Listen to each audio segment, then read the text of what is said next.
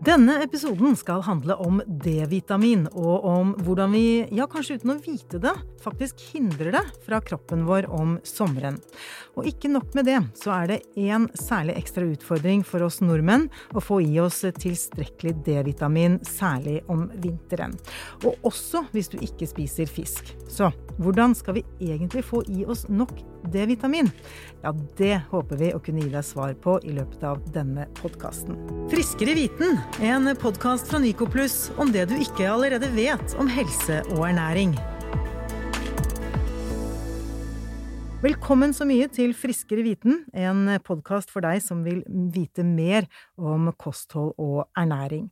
Jeg heter Cecilie Roang, og jeg er heldig å ha med meg to stykker i denne sendingen. Det er min faste makker Åse Andresen først. Du er jo klinisk ernæringsfysiolog og kan jo si litt om deg selv. Ja, takk. Til daglig så jobber jeg som fagsjef for Nycoplus. Men jeg er, eh, er eh, utdanna klinisk ernæringsfysiolog og er spesielt interessert i D-vitamin, faktisk. Det er et spennende tema.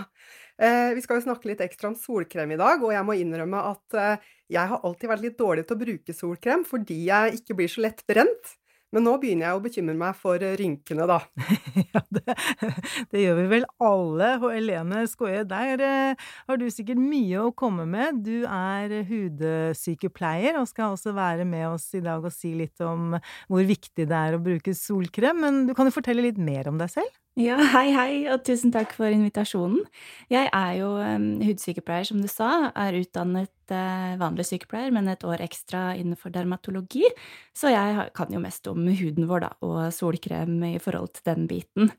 Så jeg har jo um, spesielt fokus på hud, både i praksis, hvor jeg jobber, og, men også i min egen podkast, som heter Under hud med hudsykepleieren. Mm. Så der, uh, dette er jo et veldig spennende tema.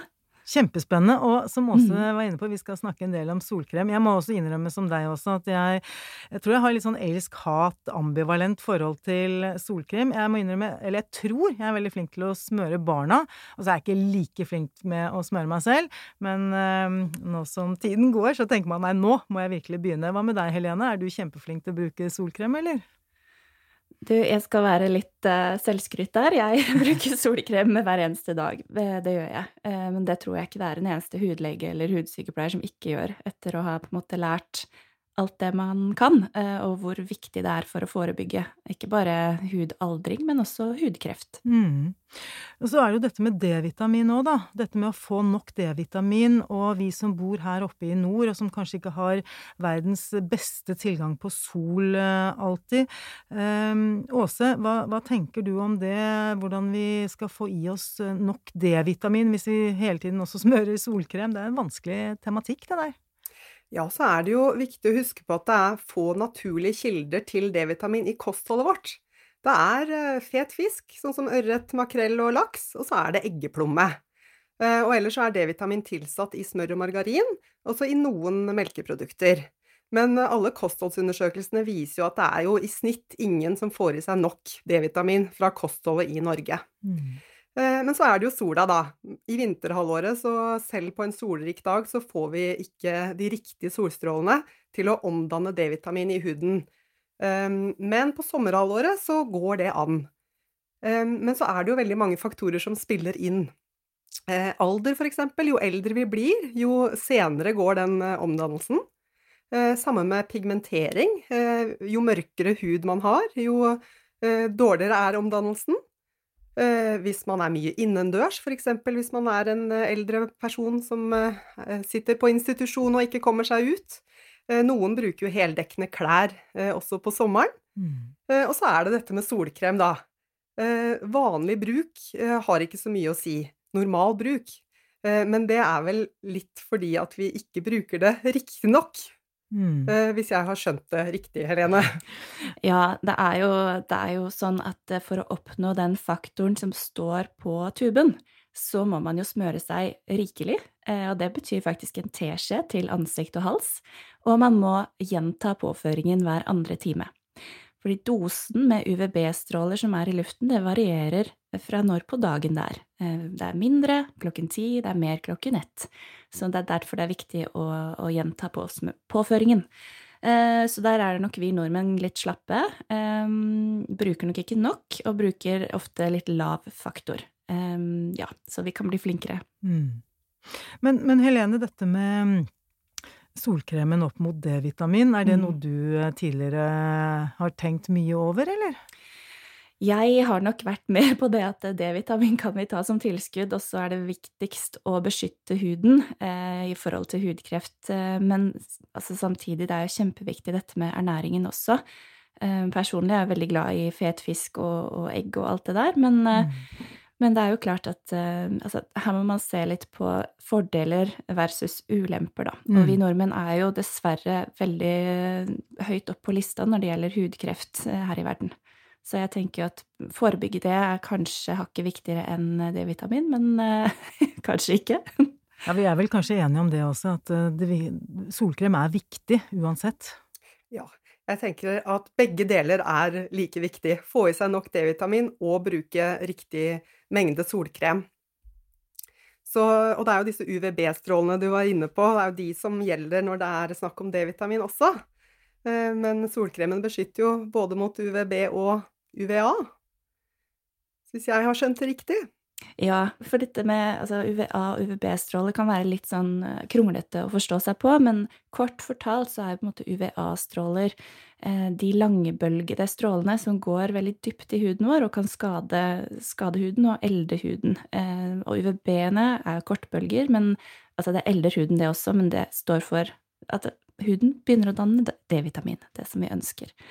Um, og det er jo på en måte UVA-strålene de stoppes eh, ikke av verken glass eller skylag, så de er jo til stede uh, hele året i like høy grad. Men som du også var inne på også, at uh, nå i vinterhalvåret så er det ikke noe særlig UVB i luften, fordi solen har for lav helling på himmelen, rett og slett.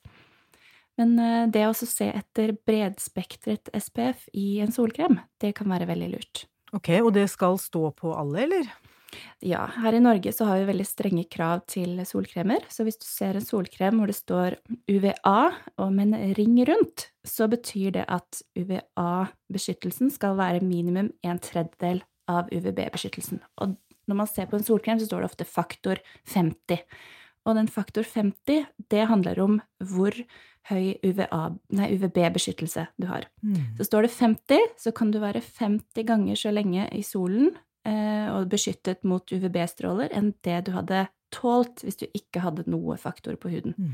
Så det varierer jo veldig fra hvor fort man blir brent, og hvor mye dose UVB det er i, i luften. Men da, det, da, lurer jeg på, fordi ofte så hører man jo at man må smøre seg kanskje annenhver time og sånne ting, ikke sant, for å opprettholde da den faktoren i solkremen. Men, men hvis man har en høy faktor, kan jeg da mm. smøre meg sjeldnere, eller hvordan henger det sammen? Nei, det blir jo på en måte brukt litt opp, da. Eh, så etter to timer så burde man eh, påføre på nytt for å ha den faktoren man, eh, man ønsker. Mm. Ellers så Altså, man Vi svetter jo hele tiden, det fordamper, altså huden trekker til seg noe, sånn at det, det å påføre på nytt er like så viktig som å smøre seg. Men altså, alt er bedre enn ingenting, altså. Og så var det dette med barn, da, og solkrem og D-vitamin. Hvordan løser man det?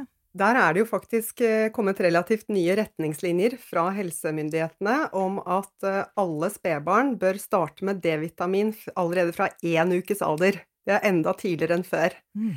Før så sa man jo tran, tran til spedbarn, men nå er det mer omega-3 og D-vitamin i morsmelkserstatninger. Så det nye rådet nå er at de som ammer, de må ta D-dråper fra én ukes alder. Og det gjelder hele året, for der er man jo ekstra streng med å, å, å anbefale smøring med solkrem også. Mm. Eh, så hele året til spedbarn med D-vitamin. Mens de som får mellom 6 og 7,5 dl med morsmelkerstatning, de trenger ikke noe mer tilskudd. De får nok D-vitamin. Mm. Men de som ammer, eller delammer, de må ta D-vitamintilskudd. Og det er jo også ikke bare spedbarn, det er en del andre grupper også som anbefales eh, Eh, altså alle som ikke får nok fra kostholdet, da, og det vet vi jo gjelder de aller, aller fleste, de bør ta D-vitamintilskudd i vinterhalvåret. Eh, men det er jo en del utsatte grupper som også bør ta det i sommerhalvåret. Eh, og det er blant annet eldre, det er eh, de med mørk hud, de som bruker eh, mye klær selv på, på sommeren, eh, og kort sagt de som ikke får nok sollys. Og det kan jo f.eks. da være de som er flinke nok til å bruke solkrem, tenker jeg. Ja. Du var jo litt inne på det, hvor vi får denne, dette D-vitaminet fra innledningsvis også, men kan du bare si litt hvorfor det er så viktig for oss da, å få i oss dette D-vitaminet? Ja, du, D-vitamin har veldig mange funksjoner i kroppen. Ehm, en av hovedfunksjonene er at eh, D-vitamin hjelper kroppen til å ta opp kalsium, og det vet vi jo er viktig for eh, skjelettet. Eh, men i tillegg så viser det seg at D-vitamin er bl.a. viktig for immunforsvaret. Så det er livsnødvendig vitamin som vi må få i oss nok av. 10 mikrogram er anbefalt til befolkningen generelt. Eh, men etter 75-årsalderen så dobler behovet seg til 20 mikrogram. Og hvis man ikke får det eh, gjennom eh, sol og sommer, så er det mat. Det er liksom de to alternativene man primært har. Mat eller tilskudd. Ja. Mm. Helene, er du opptatt av D-vitamin, eller får du i deg nok, tror du? Ja, her i huset så er vi eh, spiser jo mye fet fisk, men jeg er, gir barna mine og meg selv, holdt jeg på å si, traden hver dag. Mm. Så det, jeg er litt ekstra obs på å få i oss det, altså. Og du vil jeg tro er ganske flink til å både smøre deg selv og barna dine. Vi, hva, hva, hva, tenker du, har vi nordmenn blitt flinkere til å smøre oss, eller?